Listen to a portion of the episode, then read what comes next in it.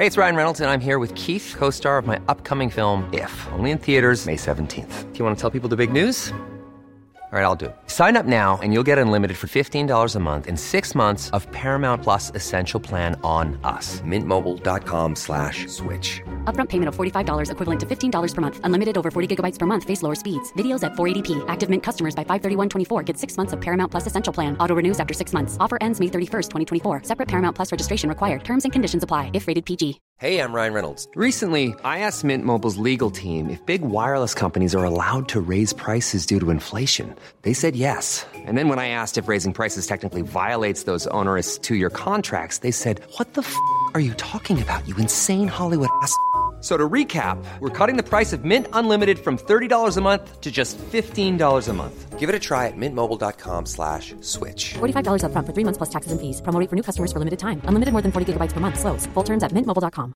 Hey, it's Paige DeSorbo from Giggly Squad. High quality fashion without the price tag. Say hello to Quince. I'm snagging high-end essentials like cozy cashmere sweaters, sleek leather jackets, fine jewelry, and so much more. With Quince being 50 to 80% less than similar brands. And they partner with factories that prioritize safe, ethical, and responsible manufacturing. I love that. Luxury quality within reach. Go to quince.com slash style to get free shipping and 365 day returns on your next order. Quince.com slash style.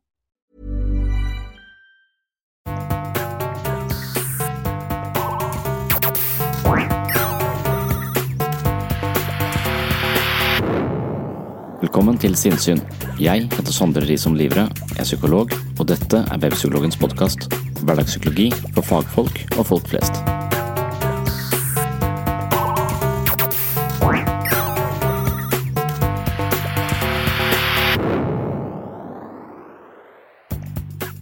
Psykologiprofessor Paul Ekman er en av verdens ledende forskere på følelser. Ekman er spesielt opptatt av hvordan våre følelsesmessige reaksjoner synes i ansiktet. Når folk bevisst prøver å skjule sine følelser, eller ubevisst undertrykker sine følelser, vil det oppstå et eh, ansiktsuttrykk som avslører følelsen i et veldig kort øyeblikk, en eh, femtendels til en tjuefemtedels av et sekund. Dette er eh, usynlig for de fleste, men tilgjengelig for den oppmerksomme. Noen mennesker er spesielt gode til å oppfatte disse mikrouttrykkene som avslører det emosjonelle klimaet i en situasjon. De kan ikke alltid begrunne sine fornemmelser på en rasjonell måte, men har likevel lagt merke til en følelse og en stemning på et subtilt nivå og kaller det gjerne for magefølelse. De har også oppfatta situasjonen på en ganske korrekt måte uten å koble inn analyse og refleksjon. Når det dreier seg om mellommenneskelige situasjoner, viser det seg at de med høy emosjonell intelligens stort sett kan stole på sin magefølelse.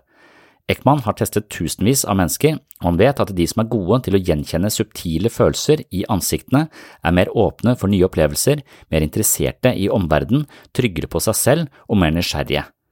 For disse kan magefølelsen være et nyttig navigasjonsverktøy. Deres innarbeidede kategorier, som styrer automatiske reaksjoner, er på sett og vis romsligere og mindre behefta med stereotyp kategorisering og fordommer. Siden de gjennomgående er forholdsvis trygge på seg selv, er heller ikke deres fortolkninger forkludra av frykt. Det er slike egenskaper man ofte sikter til når man snakker om en mindful person. Ekmans studier har vist at mennesker som har lang erfaring med meditasjon, er mye bedre enn andre til å lese de følelsesmessige aspektene ved en situasjon. De som mediterer, har gjerne kultivert sitt eget følelsesliv gjennom meditasjonsøvelser og har opparbeidet seg en god indre balanse. Med god kjennskap til egne følelser har de også gode forutsetninger for empatisk innlevelse i andre. Ekman sine studier viser at de med lang meditasjonserfaring scorer mye høyere enn politifolk, advokater, psykiatere, tollere, dommere og Secret Service-agenter når det gjelder å gjenkjenne følelser i andres ansikt. Disse yrkesgruppene lever jo av å lese andre mennesker, men likevel scorer de i gjennomsnitt lavere enn mennesker med lang meditasjonserfaring. Med andre ord er det å meditere en praksis som styrker evnen til å oppfatte subtile tegn på hva andre mennesker føler. En slik kompetanse er mellommenneskelig verdifull, og som nevnt assosieres det med både emosjonell og sosial intelligens.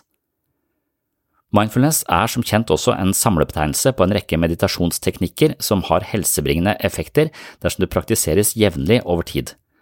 Mindfulness handler om å observere sitt indre liv uten å fanges av det som dukker opp i bevisstheten. Istedenfor å la seg diktere av tanker og følelser, skal man trene på å hvile som en observatør. Man skifter posisjon fra ubevisst offer for sitt indre liv til en mer nøytral observatør av det som foregår på innsiden.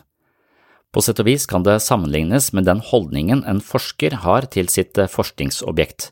Det handler om å studere tingene så lenge og så nøytralt som mulig for å oppdage hvordan tingene henger sammen. I mindfulness er man eh, litt eh, forsker i sitt eget indre liv, og det gir gradvis en større kompetanse på egne følelser, tankerekker og reaksjonsmønstre. Dette vil i neste omgang skape mer rom i oss selv til å håndtere våre reaksjoner i møte med livets utfordringer på en adekvat måte. Det er også denne psykologiske ekspertisen som eh, er utgangspunktet for empatisk innlevelse i andre. I dagens episode skal du få være med tilbake til biblioterapi. Du hører meg reflektere rundt eh, menneskers empatiske evner. Hva vil det si å være mindful, emosjonelt intelligent og empatisk? Er empati en utelukkende positiv egenskap, eller er dette også et eh, slags emosjonelt navigasjonssystem som kan være feiljustert? Så var det dette med eh, empati, og så var det boka til Paul Bloom som heter Against Empathy. Som han sikkert har skrevet for, en, for å ha en provoserende tittel. Altså det å være mot empati, det høres jo ikke spesielt sivilisert ut. Så empati er jo en eh, forbundet med noe bra. En følelse som er eh, prososial og viktig for at mennesker skal kunne samarbeide og holde sammen.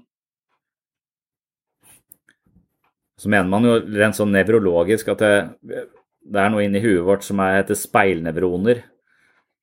Så vi kan uh, vi har speilnevroner foran en del av disse ulike sentrene i hjernen. Blant annet i de motoriske sentrene så kan vi, vi kan se på en person gjennomføre en eller annen eh, gymnastisk øvelse, og så kan vi mer eller mindre gjennomføre det samme motoriske programmet i vår egen hjerne uten å egentlig gjøre det motoriske programmet. da. Sånn at vi eh, bare ved å observere også til en viss grad kan tilegne oss eh, fysiske ferdigheter. Men så må vi selvfølgelig trene på det også, men, men det er som om hjernen utfører disse motoriske programmene uten å sette musklene i bevegelse. Og så tenker man at det, det fins eh, en type tilsvarende speilnevroner foran følelsessentrene våre, sånn at vi ved å se på andre kan speile deres uh, følelser eller forstå, se hvordan de føler, og så kan vi aktivere de samme følelsene i oss selv. Og på den måten så, så kan vi til en viss grad leve oss inn i andre, andre mennesker. Da. Og hvis vi har velutvikla speilnevroner, så, så, har vi også god mulighet til å forstå hvordan andre mennesker har det, og samtidig kjenne på deres smerte. Eh, og det er til og med sånn at vi ofte kjenner på andres eh, smerte nesten sterkere enn vi kjenner på vår egen smerte. Sånn at når vi ser andre mennesker lider, så kan vi eh, overta den lidelsen Eh, og, kjenne veldig, veldig, på det selv. Og så, opererer vel ofte disse, denne, den typen innlevelse, empati, kraftigst på de som står oss nærmest, da, som vi bryr oss kanskje mest om og er tettest på. Er, de som har barn, kjenner det sikkert veldig igjen i at man er nærmest overbekymra for uh, uh, hvor vanskelig noe kan være for et barn, og så tenker man på det hele natta med vondt i magen. Mens barn har tenkt på det en halvtime og syntes det var litt kjipt, for de følte seg litt utestengt, men dagen etter så er det over. Uh, altså, så vi kan jo ha en, eh, ha en tendens til å kjenne veldig på det. Men det er, en, det er, en, følelse som gjør at vi skal kunne forstå hverandre og, og ta hensyn til hverandre. Da. Så empati er en veldig bra, bra følelse, eller en, en, bra ting, sånn at vi kan ta hensyn til, til hverandre. Og det å være kjent med sitt eget liv, da, det jeg kaller sinnssyn eller mindsight, det å forstå eh, sitt eget følelsesliv, det er på en måte utgangspunktet for å kunne forstå andre også. For vi kan ikke bare se andres følelser, vi må også på en måte, det må gjenklang i oss selv. Så når vi har oversikt i oss selv og en viss balanse der, så har vi mer overskudd til å se andre mennesker fra innsiden, som vi også kaller mentaliseringsevne. Og hvis vi klarer å se og speile ved hjelp av våre vår kontakt til andre mennesker, eh, hjelpe å se deres følelser og speile de, så vil de også kanskje ha en større mulighet til å forstå sine egne, eh, egne, følelser. Så hvis jeg har god oversikt over mitt indre liv, som jeg kaller sinnssyn eller mindsight, så, så er sjansen at jeg overfører det til de folka som er i nærheten av meg, eh, stor. Og da er det spesielt barn da, som, som mangler det. Så, så, foreldre med høy grad av innsikt i egne ulike tilbøyeligheter, følelser og preferanser, og har en slags oversikt over sitt indre liv, de er også høy evne til sinnssyn eller mindsight, og de, de, vil ofte mer eller mindre ubevisst eh, overføre dette til barna. Så, så, så en, og hvis man ikke har det, så kan man trene det opp. Og det er vel det som psykoterapi til en viss grad er, da, å prøve å forstå sitt eget, eh, sitt eget indre, indre, liv. Og så er det mange som har, eh, har en sånn halvveis innlevelsesevne, eller en halvveis mentaliseringsevne, for de er veldig flinke til å monitorere andres følelser, eh, men de har eh, ikke hatt anledning til å monitorere sitt eget indre liv. Så de har en eh, skadeskutt mentaliseringsevne. De er gode til å kjenne etter om andre er sinte eller små stemningssvingninger hos andre mennesker. Og det er veldig avgjørende at de monitorerer foreldrene for hvorvidt de er skal være stille, eller om det er eh, lov til å leke, eller hvis man har foreldre som, som, sliter, eller vokst opp med foreldre som sliter, så må man ofte gå på listesko, og så må man hele tiden monitorere omgivelsene eh, sine. Så bruker man så mye energi på å monitorere omgivelsene at man har ingenting til overs for å monitorere sine egne følelser og behov. Så man er flinke til å se andre, men man er veldig dårlig eh, til å kjenne sine egne behov, så man har en halvveis eh, han, har bare en sånn mindsight, sinnssynsevne, som går utover og ikke, ikke innover. Uh, og det, det, da vil man halte. Men uh, du, de fleste av oss har jo mer eller mindre evner både innover, innover og utover, og det, veldig mange sliter med det innover, å kunne se sitt eget indre liv. Men spørsmålet, og når, når Paul Bloom snakker om at Eh, han, er, eh, han skriver en bok 'Against Empathy', så tror jeg ikke nødvendigvis han er motstander av at vi klarer å leve oss inn og forstå andre mennesker fra innsiden, men han er usikker på om vi eh, forvalter den informasjonen vi da får, på en riktig måte. Og det er vel det som, som er og, og da er det bare det vanlige psykologiske poenget at det å oppleve følelsesmessig smerte er ikke en lidelse per se så, så, Det er derfor det er så på en måte litt synd at uh, psykiatri tilhører uh, sykehuset, som vi assosierer med somatikk. Fordi at det er som om uh, en del av de prinsippene som psyken opererer på, ikke, ikke er sammenlignbare med, med, hvordan man i resten av sykehuset tenker om smerte. Altså, hvis du har eh, mista et bein, så trenger du morfin og, og noen med nål og tråd som kan liksom sy igjen eller lage en stor Jeg vet ikke hva Altså, man, man kommer på sykehuset for å, eh, for å dempe smerte, eh, og mens, eh, mens, i psykisk helse så kommer man kanskje for å ikke ta vekk smerten, for hvis man tar vekk smerten, så mister man også det symptomet man skal forstå og tolke, som er viktig, et viktig signal på hvordan, hvordan vi lever. Og jeg tror det er der eh, vi sånn empatisk også går litt feil. Da, at vi lett kan leve oss inn i andre menneskers eh, problemer og smerte. Og så tenker vi at det må være helt jævlig å ha det sånn. Hva kan vi gjøre for å få vekk den, eh, den smerten? Og da går vi ofte langt for å, for å sørge for å Eller prøve å avhjelpe den andres smerte og gjør ofte folk bjørnetjenester. Så det er nok det som er eh, en del av problematikken, i hvert fall i psykisk eh, helsevern. At man, eh, at man, ser at ved å trøste deg, eller ved å si de riktige tingene, eller ved å klappe deg på skuldra, så får du det litt bedre. Du får ikke noe bedre evne til å forstå disse følelsene eller håndtere de på egen hånd, men du kan bare komme til meg hver gang de er litt vanskelige, så skal, så, så skal jeg klappe deg på skuldra eller si de tingene som, som får deg til å føle deg litt bedre der og da. Eh, og så skaper man en eh, type avhengighet til noe utenfor seg selv. Eh, som, og så må man da stille opp hver gang en person har det litt vanskelig. Da. Og så hvis man ikke har tid til å stille opp, så kan man heller bare si at ja, men da, siden jeg ikke har tid nå på mandag, så kan du bare ta litt heroin eller, eller litt noen benzodiazepiner eller noe medisin på en måte isteden, for å få, få den, den, tilfredsstillelsen, da. Eh, for, for, det er litt det man, man, da eventuelt risikerer å bli, at man blir noe som en annen person er avhengig av. Så, så dermed så, så vil det å være hjelpekåt da, Og det er jo mange mennesker som ønsker å hjelpe andre. De ønsker å avhjelpe andre menneskers lidelse når man jobber i helsevesenet. Og, og det er så viktig da i psykisk helse hvordan vi avhjelper den lidelsen. For det å fjerne smerten er ofte å fjerne muligheten til å forstå seg selv på en dypere måte. Så Derfor så skal vi ikke fjerne den, den, den smerten. Vi skal våge å være sammen i den, våge å undersøke den, prøve å, å, å forstå den. Og, og, da må vi ofte si det motsatte av det som føles naturlig. Vi må stille de spørsmålene som være vanskelig å stille.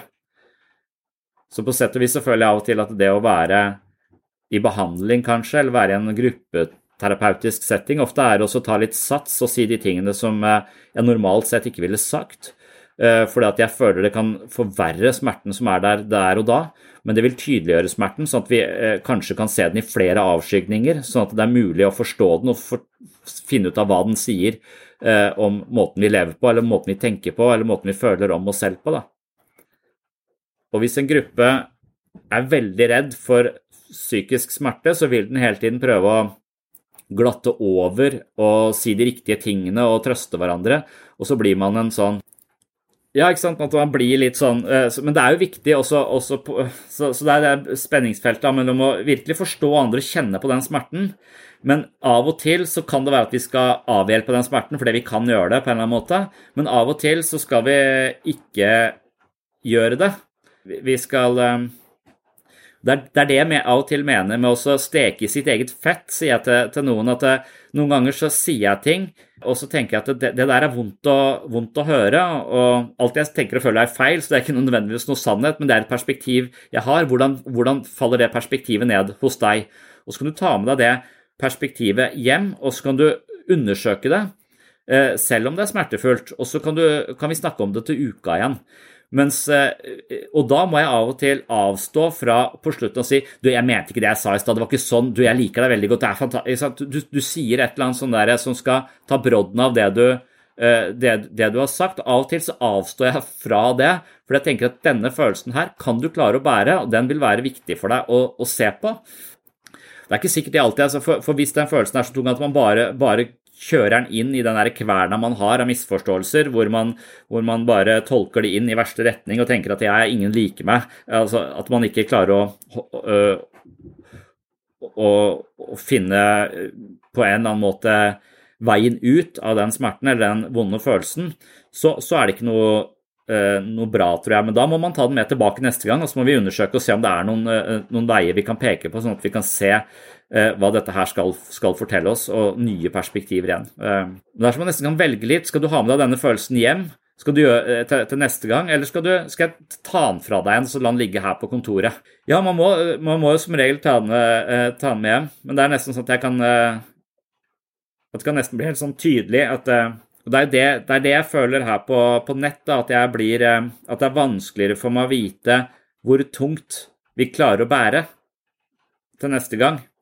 Fordi at det, empatien og følelsen av at jeg forstår et annet menneske, krever eh, nærhet. Eller det krever at jeg liksom har vedkommende litt tett på meg, så, så det er så masse ansiktsuttrykk, sukk, bevegelser som, eh, som, jeg ikke egentlig vet hva betyr, men som jeg bare tror jeg leser på et eller annet, eh, et eller annet nivå. Derfor så har jeg en tendens til å bli vennligere på nett, og jeg liker meg selv bedre på nett, for jeg tror jeg trenger vennlighet. Altså jeg tror jeg trenger mer varme, og det utvikler jeg ved å være på, på nett. Så jeg, jeg liker jo egentlig kombinasjonen av å være i grupperommet og av og til å være på nett.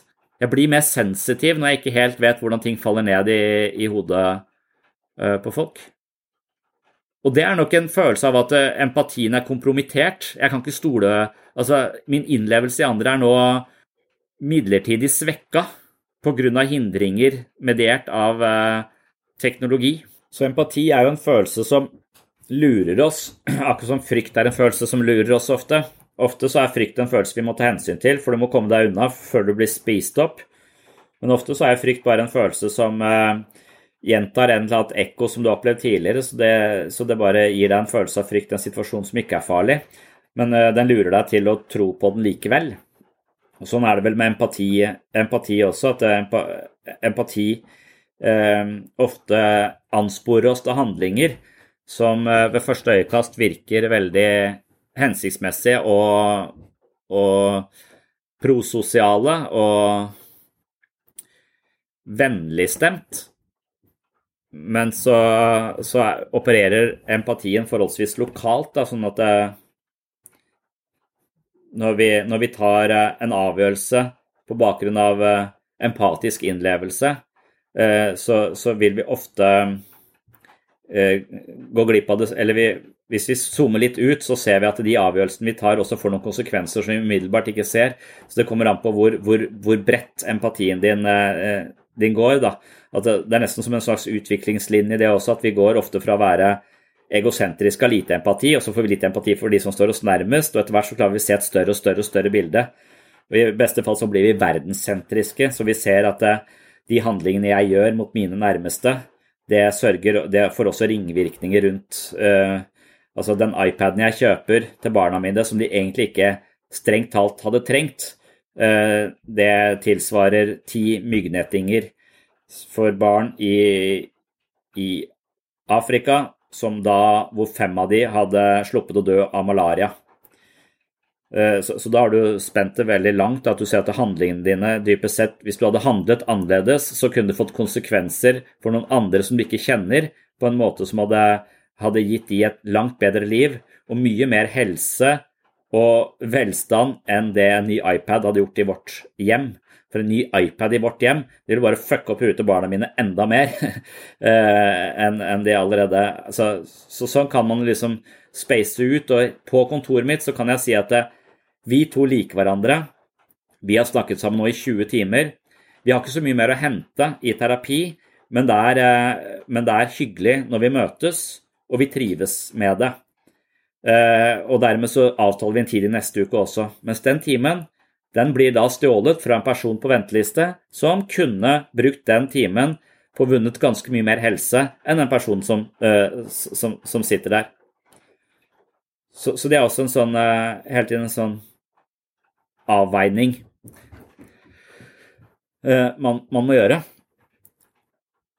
Og så tror jeg det er viktig at empatien vår egentlig er ganske lokal. For det, det, er viktig for, for, relasjonen mellom mennesker at vi prioriterer de som er, vi har en relasjon til. Eh, og hvis vi skal hele tiden begynne å tenke på de folka vi foreløpig ikke har en eh, relasjon til, så føler jeg meg litt som en sånn misjonærforelder. Altså, eh, for, for, hvis du har barn, og du prioriterer Gud f.eks. høyere enn barna dine, sånn som du gjør i de der dokumentarene på Brennpunkt altså hvis ikke du mener det og det, eller gjør sånn og sånn, så går jeg fra deg. For da, da går jeg til Gud isteden. Altså, jeg tror barn trenger en følelse av at de er de du prioriterer høyest uansett. Og hvis, ikke, hvis du er en sånn superempatisk person eh, som aldri gir barna dine noe, og får de til å føle seg totalt utenfor eh, i det miljøet de lever i, fordi at du eh, kjøper myggnettinger for alle pengene til familien, sånn at flest mulig barn ikke dør i Afrika, så tror jeg du på en eller annen måte er en slags moralsk høyverdig person, men du er en dårlig forelder. Så på et eller annet tidspunkt her, så, så, så hvis du hele tiden sier ja, vi, hvis ikke du tar hensyn til de menneskene du har en god relasjon til, og prioriterer de litt høyere enn de du foreløpig ikke kjenner, så, så, tror jeg ikke du er en du er ikke et trygt medmenneske. Eh, så det er en eller annen cutoff der på hvor denne empatien skal, eh, eller denne innlevelsen, disse hensynene, skal, eh, skal bli tatt. Og det er glidende overganger, tror jeg. Og, og man kan også si at empati er en slags overskuddsfølelse. Det vil jeg tenke for min egen del, at den, den handler Altså at det er viktig at man selv er i balanse for å, for å ha mest mulig empati tilgjengelig. For, for gang, Jo mer pressa man er, jo mer selvsentrert føler jeg blir, jo høyere prioriterer jeg mine egne behov, og jo mer sentrert blir jeg rundt min egen smerte, og jo mindre kapasitet har jeg til å se andres smerte. Så lidelse demper empatiske Kan dempe empatiske evner. De gjør ikke det for alle. Så da kan man jo trenge veldig mye og ha litt lite å, gi. Men de som glemmer seg selv helt, er, er det de som har denne halvveis mentaliseringsevnen? For, for du, kan få, du, kan jo ofte få en gruppe hvor du har folk med halvveis mentaliseringsevne, altså at de er veldig oppmerksom på andre og, og, er veldig flinke til å se andre, men er helt drit dårlig på å ta imot noe som helst. Så med en gang fokuset vendes mot de, så blir det helt sånn eh, febrilsk. Og da, da, får du en gruppe preget av en eh, merkverdig overskudd, hvor alle skal se hverandre, men ingen veit hvordan de skal ta imot det som blir sett.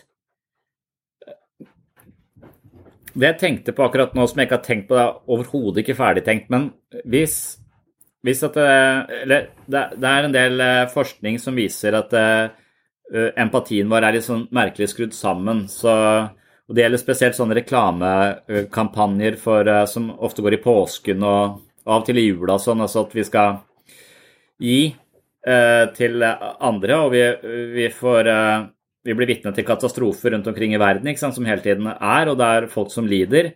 Og hvis vi da ser en bilde av en person som lider, så er vi tilbøyelige til å gi eh, støtte til den, eh, den saken. Eh, men denne personen er da bare én, eller et barn ofte, er bare ett barn av mange, mange tusen barn som lider. Og hvis vi får se dette barnet sammen med søsteren, som også lider, så gir vi litt mindre. Så hvis vi ser bare det ene barnet, så er vi tilbøyelige til, til å, gi. Med en gang vi ser to mennesker, så vil vi redusere mengden. Eh, eller vi reduserer summen vi gir da, til den saken. Og hvis vi ser hele familien, så reduserer vi det ytterligere. Hvis vi ser hele landsbyen, så reduserer vi det enda, enda mer. Så, så, jo flere folk vi ser lider, jo mindre gir vi. Det er Det burde jo være diametralt motsatt. Det burde være Altså, logikken tilsier at jo mer folk vi ser lider, jo mer burde vi gi. Og Det er der også denne eh, empatien eh, kanskje spiller oss et pust. da. Og så lurer jeg på om det kan overføres til gruppeterapi. For jeg opplever at vi som jobber i gruppeterapi, ofte ikke er så emosjonelt overbelasta som folk som jobber individuelt i poliklinikken. Og det vet jeg jeg, ikke om stemmer, det kan ha med personlige faktorer å gjøre. Men jeg lurer på om at min innlevelse i et annet menneske som jeg kun Som jeg kjenner bare via en relasjon Altså vi er bare meg og vedkommende. At jeg føler at, at, den, eh, at jeg føler sterkere for det ene mennesket, men hvis jeg ser det mennesket i en gruppe, så ser jeg at den lidelsen ligner den lidelsen som den andre også sliter med. This is Paige, the co-host of Giggly Squad, and I want to tell you about a company that I've been loving, Olive and June. Olive and June gives you everything that you need for a salon quality manicure in one box. And if you break it down, it really comes out to $2 a manicure, which is absolutely insane. It's also so easy to get salon worthy nails at home with Olive and June. The difference between how your nails used to look when you did them yourself and now with the Manny system is a complete game changer. The best thing about Olive and June too is it's a quick dry, dries in about one minute, lasts for five days, and full coverage in up to one to two coats. Visit oliveandjune.com slash perfectmanny20 for 20% off your first system. That's oliveandjune.com slash perfectmanny20 for 20% off your first system system. Hold up. What was that? Boring. No flavor. That was as bad as those leftovers you ate all week. Kiki Palmer here, and it's time to say hello to something fresh and guilt-free. Hello Fresh. Jazz up dinner with pecan-crusted chicken or garlic butter shrimp scampi. Now that's music to my mouth. Hello Fresh. Let's get this dinner party started. Discover all the delicious possibilities at HelloFresh.com. Quality sleep is essential. That's why the Sleep Number Smart Bed is designed for your ever evolving sleep needs. Need a bed that's firmer or softer on either side? helps you sleep at a comfortable temperature? Sleep Number smart beds let you individualize your comfort so you sleep better together. JD Power ranks Sleep Number number 1 in customer satisfaction with mattresses purchased in-store. And now, save 50% on the Sleep Number limited edition smart bed for a limited time. For JD Power 2023 award information, visit jdpower.com/awards. Only at a Sleep Number store or sleepnumber.com. og at vi er flere til å støtte hver, hverandre. Sånn at eh, det emosjonelle trykket eh, At vi deler byrden, på en måte, og at vi bærer i fellesskap, snarere enn at vi bærer aleine. Og jeg vet ikke at jeg er ikke noe mindre empatisk, altså, men jeg er mindre emosjonelt overbelasta, på en eller annen måte. For jeg kan møte mennesker som jeg følger individuelt, og så, og så, blir det liksom Det er ikke det at jeg tar med meg så mye hjem og, og, og sånn, men jeg, jeg kan føle sterkere uro når, når, de menneskene har det veldig vondt, enn jeg føler når de menneskene følger meg i en gruppesetting. Fordi jeg føler at nå har vi mange som jeg, jeg, kanskje tenker at det fordeles på litt flere. da, Jeg vet ikke om det er den samme mekanismen som spiller inn i disse reklamene, men jeg tenker at ja, ja, det er en hel gjeng som er De tar litt vare på hverandre. At, at, det, at det avlaster mitt ansvar, da. Eh, mitt emosjonelle ansvar blir liksom avlasta litt idet jeg ser at det er flere som, eh, som er det. Og, så, og, det vil også da anspore meg til å gi litt mindre hvis jeg ser at jeg er flere uh, fattige barn. Noe som er fucked up i den situasjonen. ja, kanskje en bedre forklaring enn det jeg prøvde på, tror jeg. For det. Så du sier at det, den empatiske evnen vi har, og viljen til å gi, den blir rett og slett bare slått i bakken av maktesløshet når du ser alt uh, all smerten, og du, du, skjønner at dette har ikke jeg noe som helst kapasitet til å avhjelpe, og dermed så gir man opp. Så det er det som, det som er på spill. Og Det er kanskje derfor vi har sånne fadderbarn altså som henger på eh, kjøkkenskapet. Så det er masse sånne fadderbarn som du, du følger det mennesket. Din bistand sørger for at det mennesket får den uh, skolesekken som gjør at det kan gå på den skolen. Som gjør at, det, altså at du følger At du får en sånn opplevelse av uh, virkning. Men så er, er dette på en måte psykologisk kunnskap som er viktig å ha for de som driver med hjelpearbeid. Da. For det, det, er jo en, en, en genis... Altså det er jo det er grusomt, det som skjer. Og, og, og, med det ene bildet av han lille gutten i vannkanten der, så, så, så, ansporer du folk til å handle. Men du må ikke vise de bildet av eh, hele situasjonen, for det, det vil ikke tjene saken din. Så det å kunne hacke mennesker og skjønne hvordan vi fungerer, og hvordan empatien vår gir opp, nærmest, eller, eller resignerer inn i en form for apati når vi ser hele det komplekse smertebildet, så, så, resignerer, ja, så resignerer vi. Så da er det viktig hacking av menneskesinnet for de som holder på med bistand. For, for, det er akkurat som at det fellesskapet kan bære så mye tyngre enn det en enkel eh, person kan gjøre. Altså, for, eh, og det er ikke fordi at en enkel person ikke kan Det er bare at strukturen i det fellesskapet vil sørge for at vi til sammen eh, kan løfte mye, mye tyngre enn man egentlig kan løfte individuelt. For det er, det er måten å løfte på som gjør ting lettere. Altså,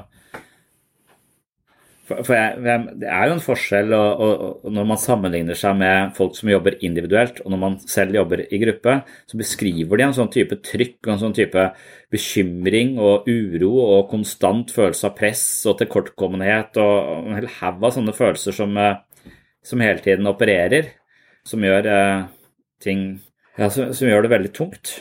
Og jeg kjenner jo veldig sjelden igjen eh, det. altså Jeg pleier alltid å si at det, at jeg tar med meg alt som skjer i disse gruppene, hjem.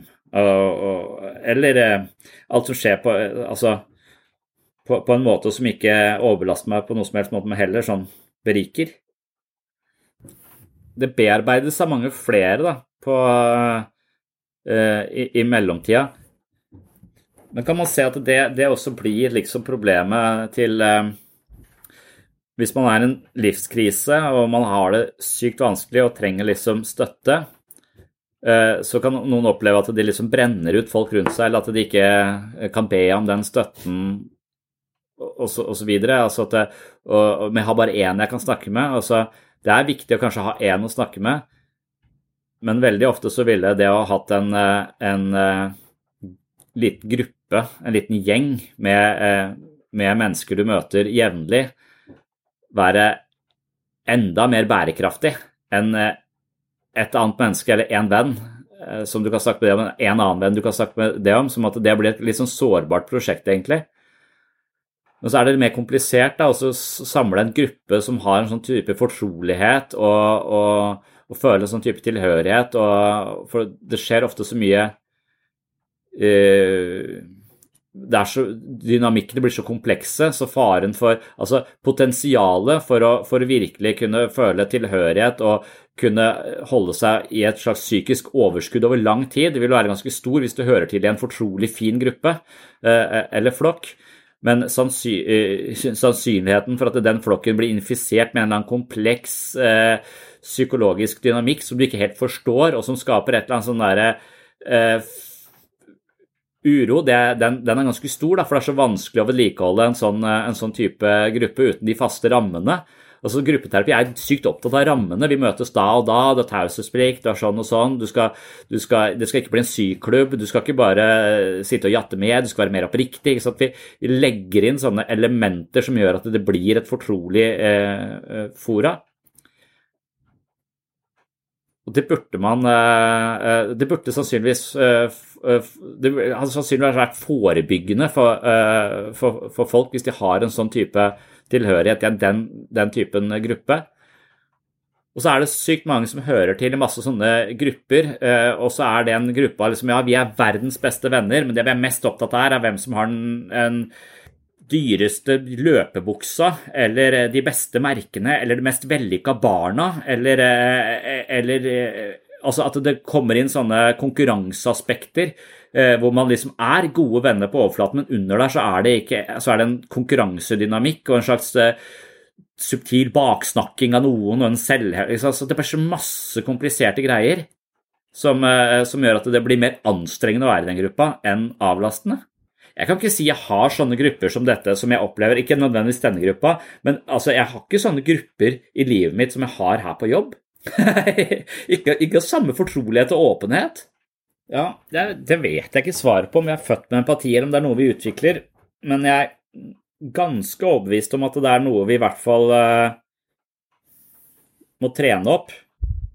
Eller, eller, at det må stimuleres. Det er ikke noe vi bevisst trener nødvendigvis, men det er noe som må, må stimuleres. Sånn at uh, Litt sånn som er vi født med fotballsko på beina, eller ski på beina. Altså Ingen er egentlig født med ski på beina, men, men du kan ha en mer eller mindre godt utgangspunkt for å bli en god skiløper. da. Og hvis du investerer mye i det, så kan du bli ganske god. Og jeg lurer på om empati eh, liksom, altså Jeg ofte tenker på psyken og hjernen og psykisk helse litt på samme måte som ferdigheter. Eh, så, så det kreves et visst miljø som stimulerer for det. Eh, og så kreves det videre at man, eh, man vedlikeholder det eller, eller, utvikler det.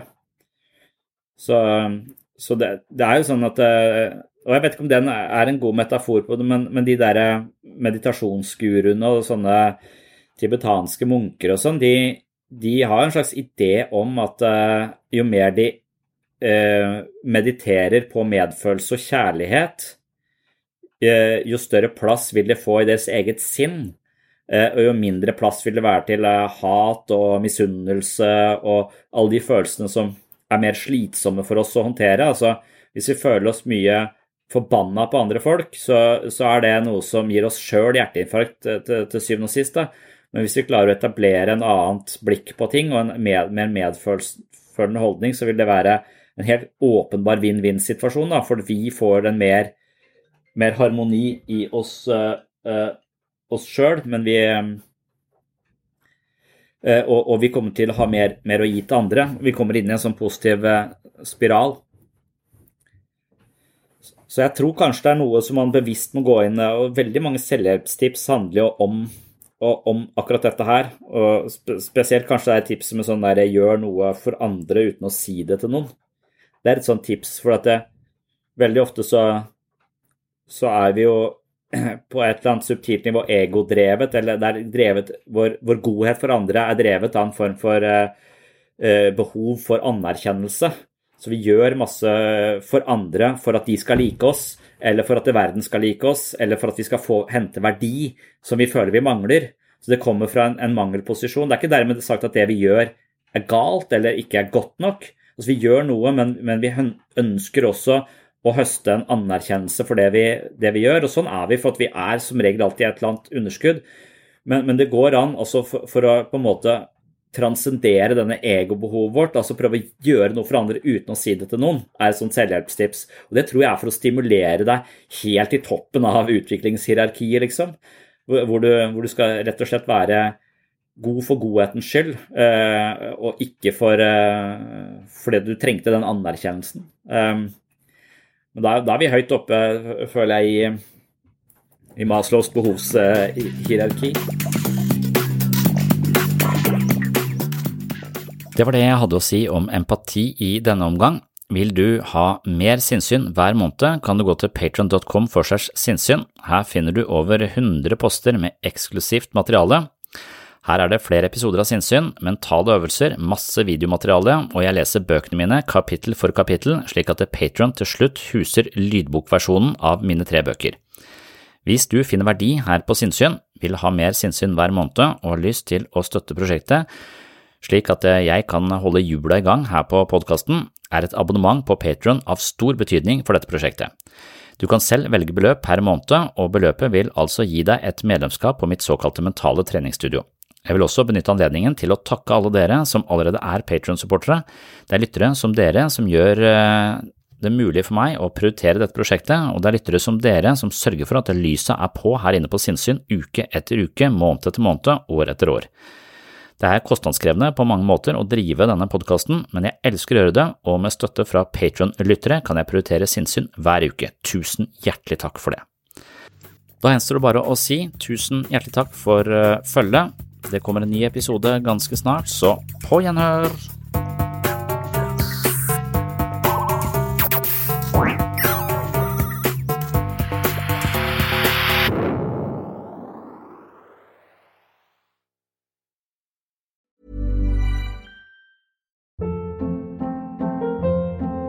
Hold up. What was that? Boring. No flavor. That was as bad as those leftovers you ate all week. Kiki Palmer here, and it's time to say hello to something fresh and guilt-free. Hello Fresh. Jazz up dinner with pecan-crusted chicken or garlic butter shrimp scampi. Now that's music to my mouth. Hello Fresh. Let's get this dinner party started. Discover all the delicious possibilities at hellofresh.com. Planning for your next trip? Elevate your travel style with Quince. Quince has all the jet setting essentials you'll want for your next getaway, like European linen, premium luggage options, buttery soft Italian leather bags, and so much more. And is all priced at 50 to 80% less than similar brands. Plus, Quince only works with factories that use safe and ethical manufacturing practices. Pack your bags with high-quality essentials you'll be wearing for vacations to come with Quince. Go to quince.com/pack for free shipping and 365-day returns.